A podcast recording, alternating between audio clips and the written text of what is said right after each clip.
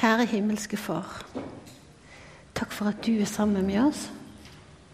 Og takk, Jesus, for at vi kan ingenting gjøre uten å ha deg med.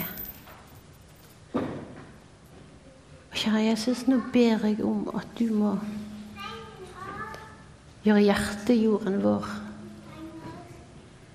klar til å ta imot de kordene som du vil så ut. Kjære Jesus, så ber jeg om at de ordene som jeg sier, de er ikke fra meg, de er fra deg. Så ber jeg Jesus om at dette møtet må være til din ære.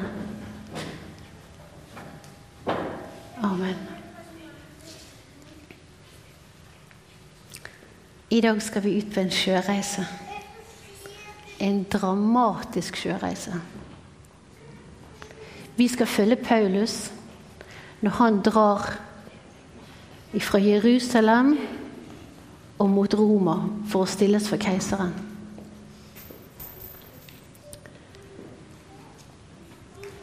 Han startet fra Cesarea, han ble fraktet til, til eh, Cesarea fra Jerusalem. Og sjøreisen startet i Cesarea. Hvis vi får opp et lite kart, så skal dere følge litt med på kartet. Kan du hoppe tilbake igjen et hakk? Nei, det er vel gjerne det første. Vel. Fra Cesarea eh, så gikk de om bord i et skip som skulle til Hellas. Det var ganske mange fanger som skulle til, eh, til, til Roma sammen med Paulus. De fangene som var rike, de fikk lov å ha med seg en eh, slave. Paulus han hadde med seg to venner. Han hadde med seg Lukas. Lukas har skrevet Lukasevangeliet og apostelens gjerninger. Og Lukas han var også lege. Og det hadde nok Paulus bruk for. Fordi at eh, i Jerusalem så holdt han på å bli drept av jødene. Paulus han sa det at Jesus er Guds sønn. Jesus har stått opp fra de døde. Og de ble så rasende at de holdt på å rive han i to. Hvis ikke det var fordi at soldatene hadde kommet og reddet han, så hadde de drept han. Så han hadde nok en skramme her og der når han kom så langt at han kom seg til båten. Så det var godt at han hadde med seg en lege. Og så hadde han med seg en som het Aristarkos. Han kom fra Tessalonika. Og han var også med Paulus på den tredje misjonsreisen. Når de kom til Sidon, så lå skipet i land i såpass mange dager at de fikk tid til å besøke venner. Det var en offiser med eh, og passet på slavene, eller på fangene. Han het Julius, og han var ganske vennligsinnet overfor Paulus. Så Paulus han fikk lov til å besøke venner i Sidon. Skipet ble liggende der i tre dager. Og det står at han nøt godt av deres omsorg. Kanskje fikk han med seg mat, kanskje fikk han med seg det de trengte på reisen videre. Dette her var i ca. år 59. På sensommeren, tidlig høst. Så det var begynt å bli litt urolig. Det var begynt å bli litt vind. Så de reiste nordover. Naturlig så hadde de skulle reise sør for Kypros, men de valgte å reise nord for Kypros, sånn at de kunne komme litt under vinden. De ganske, det var ganske mange dager i sjøen, faktisk nærmere 14 dager, før de kom til Myra, som ligger i Tyrkia. Der skiftet de skip. For dette skipet som de nå var på, det um, skulle videre nordover mot Hellas. Så de gikk over på et annet skip som skulle til Italia, til Roma og Italia. Et ganske stort skip som kom fra Alexandria i Egypt med korn.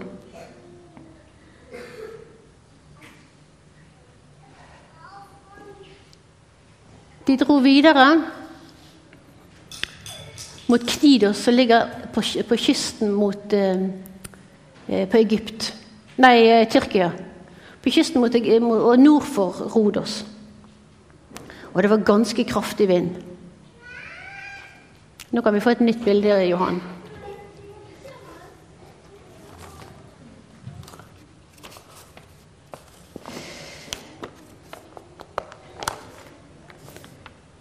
De hadde egentlig tenkt å dra videre nordover kysten, men pga. vinden så dreide de ned og sørover mot Kreta. De klarte så vidt å komme fri fra Salmoneøyene, som ligger litt små øyer som ligger der mellom Rodos og Kreta. Og så kom de inn til en havn på Kreta som heter Godhavn. Denne havnen var ikke egnet til å overvintre i. Det var begynt å blåse ganske godt. Derfor så diskuterte offiserene og kapteinen, eieren på skipet, de diskuterte hva gjør vi Ligger vi her? Drar vi videre? Og så bestemte de seg for at litt lenger vest på Kreta der lå en havn som het Føniks. Den ville de dra til og være der i vinteropplag.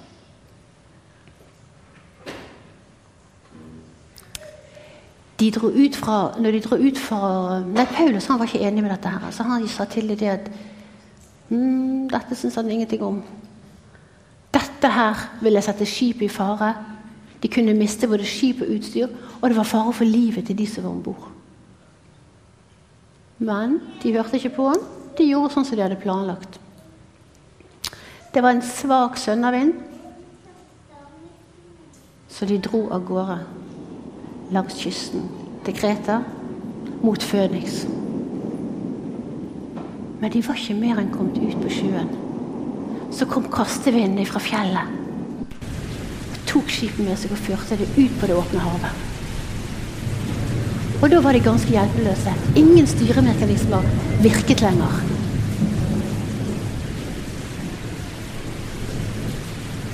En liten øy som ligger sør for Kreta der. Når de kom i le av den, så klarte de å hale skipsbåten om bord. De surret skipet. Og det vil si jeg, Dere som har, har peiling på, på, skip og sjø og båter, dere vet det gjerne. Men de surret fast det som var løst. De surret roret, de surret seilet, og så lot de båten drive på sjøen. Og de for sørover. Og det de var redd for, det var at de, var kommet, at de ville drive imot sandbankene. Ser dere Libya der? Akkurat den bukten der. Der er noen vanskelige sandbanker, så de var redd de ville drive dit. Og de ante ikke hvor de var. De begynte å kaste utstyr ut over bord. Etter tre dager så begynte de å kaste lasten over bord.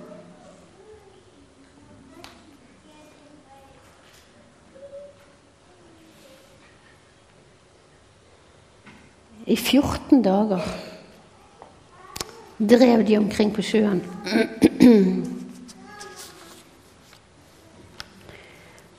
Og, sjø, og himmelen var full av uværsskyer. De så verken sol eller stjerner. De var sikkert sjøsyke. De var sikkert livredde. Tenk, de hadde ikke motor. De hadde kun et seil. Og så var det et uvær som varte i 14 dager. Jeg klarer ikke å forestille meg hvordan det er. Tenk å være en storm i 14 dager, ikke ane noen ting. Du driver omkring som en sånn dobb på vannet. Her havner du.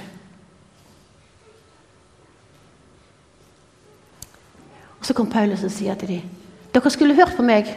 Dere skulle gjort sånn som jeg sa. Da hadde ikke vi mistet skipet, da hadde ikke vi mistet utstyr. Og da hadde ikke vi satt folk i fare. Men vær ved godt mot.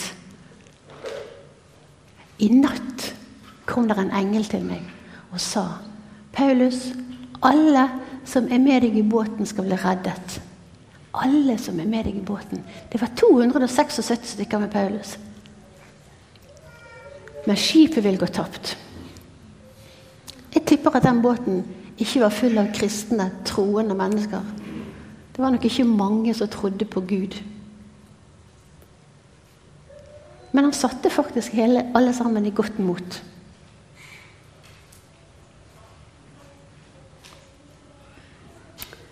Etter at de hadde drevet omkring i 14 dager, så fikk mannskapet kjenning av land. Og så målte de dybden. 20 favner. Vet dere hvor lang en favn er? Jeg måtte opp og se. Og så, så sa de en favn det er omtrent den lengden der. Høyden på en mann. 20 favner. Og dette skipet var stort. Jeg tenker at kjølen må jo være ganske dyp. da. Så de ble litt nervøse. Så målte de en gang til litt lenger inne. 15 favner. Og nå begynte de virkelig å bli redde. Dette skipet kunne jo fort bli knust mot skjærene som lå lenger inne.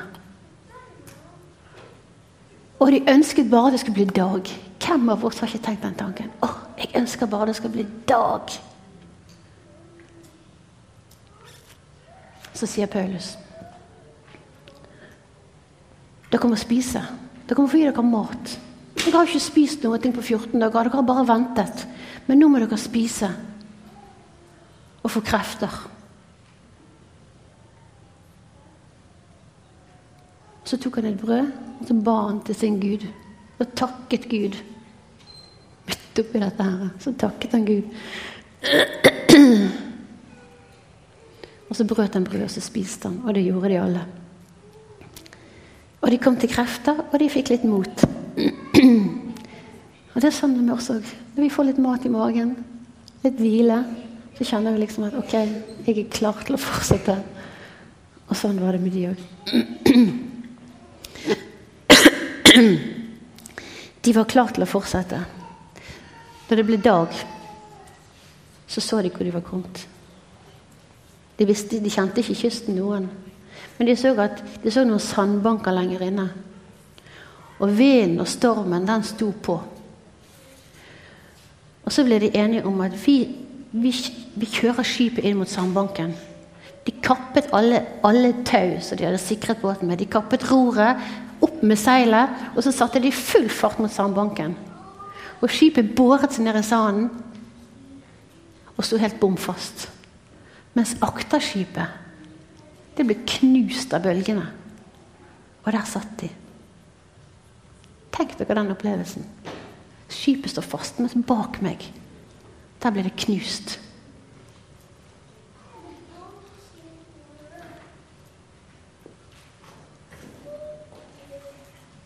Noen av disse sjømennene de ville ta denne skipsbåten og stikke av gårde. Men det ble de forhindret på. Og heldigvis Alle som er om bord, skal bli reddet, hadde Paulus fått løfte om. Men ikke de som stikker av. De ble stoppet i tide, heldigvis. Når skipet sto fast på denne sandbanken, så ville soldatene drepe fangene. De stikker av.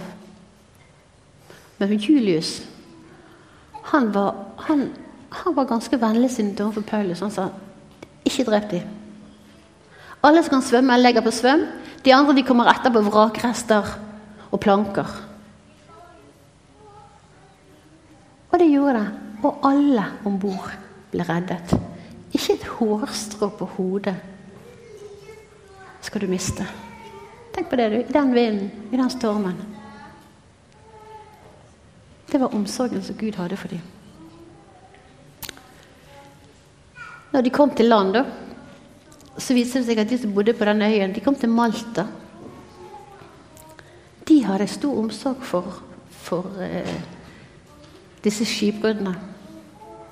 De tok seg av dem. De tente et bål, for de var våte, de var kalde. Og de var sikkert ganske fortvilet, mange av dem. Når de sanket sammen til dette bålet, så var også Paulus med. Så når han hev kvister inn på ilden, så kom det en slange og bet han i hånden. Og når innbyggerne så det, så tenkte de hm, han er helt sikkert en morder. Han er reddet fra sjøen, men nå straffer Gud han med et slangebitt. Paulus han ristet ormen av seg inn i flammene, så fortsatte han som ingenting var hendt. Mens de ventet på at han skulle dette om. Men det skjedde ikke. Og når de så dette, så tenkte de han må være en gud.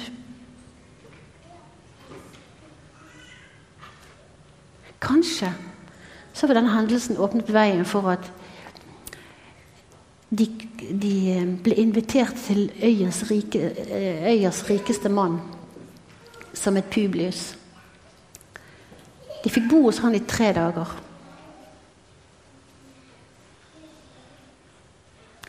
Faren til Publius han var syk. Han lå til sengs. Og Paulus han fikk be for ham, og han fikk helbrede ham, sånn at han ble frisk igjen. Og det førte til at de andre som hørte om dette på øyen, de kom til Publius sitt hus og ble helbredet av Paulus. Det står ingenting i Bibelen om at Paulus forkynte. Men sånn som vi har lært Paulus å kjenne, så kan jeg aldri tenke meg at han klarte å tie stille. Han forkynte sikkert det han kunne. Han satte sikkert store spor etter seg på Malta. De ble værende på Malta i tre måneder, faktisk, før de dro videre. Og innbyggerne tok seg godt av dem. Det er godt å komme til et sted etter å ha vært i en stri storm og bli møtt med omsorg. Bli møtt med noen som tar seg av deg, noen som ser behovet ditt. Noen som er med deg og bryr seg. Det opplevde de på Malta.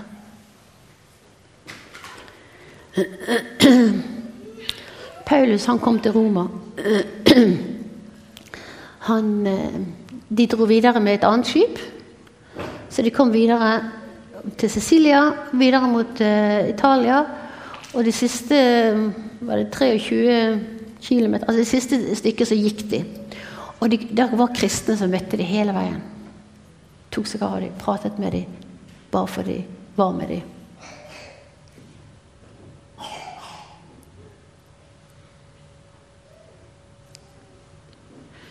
Og jeg tenker i en storm har vi nok alle vært. Noen store stormer og noen litt mindre stormer.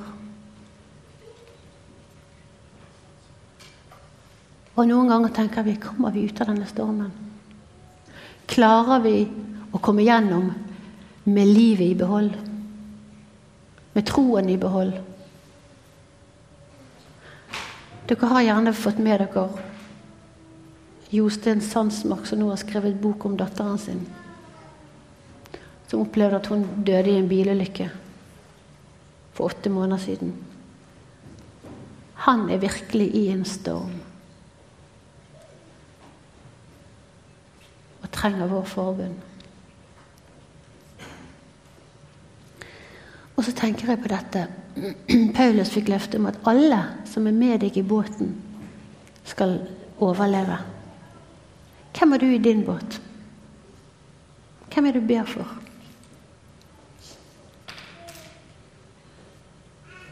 Hva mener du, Jesus? Overleve? Mener du at de skal komme til himmelen? Er det det du tenker på? Når vi ber, så har vi lett for oss å ikke holde ut. Vi ber en stund, og så slutter vi. Sånn er vi laget.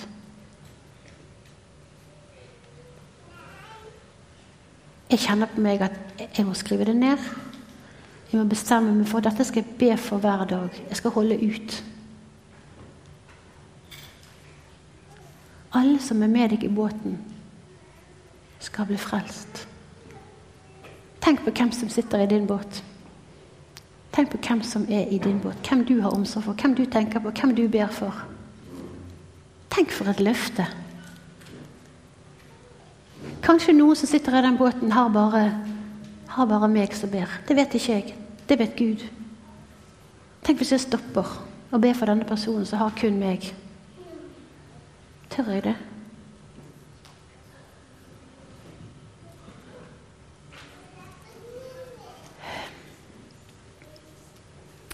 Av og til så hører vi Guds stemme. Han er svak. Han overdøver ikke bråket fra alle de andre. Men vi aner at han er der. Jeg kjenner at jeg hører den svake stemmen, så tenker jeg Nei, Gud, du kan ikke mene det. Du kan ikke mene at jeg skal gjøre det. Men han gjør av og til det.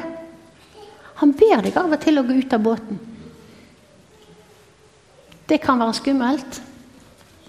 Du aner ikke når du synker. Bølgene kan være store. De kan virke skremmende. Men du aner det ikke før du setter beina på bølgene og ser om det går. Og klart du klarer ikke det alene.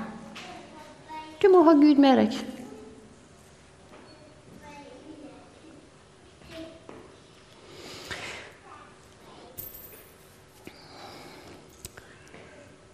Mitt ønske med denne fortellingen om Paulus Egentlig en dramatisk fortelling.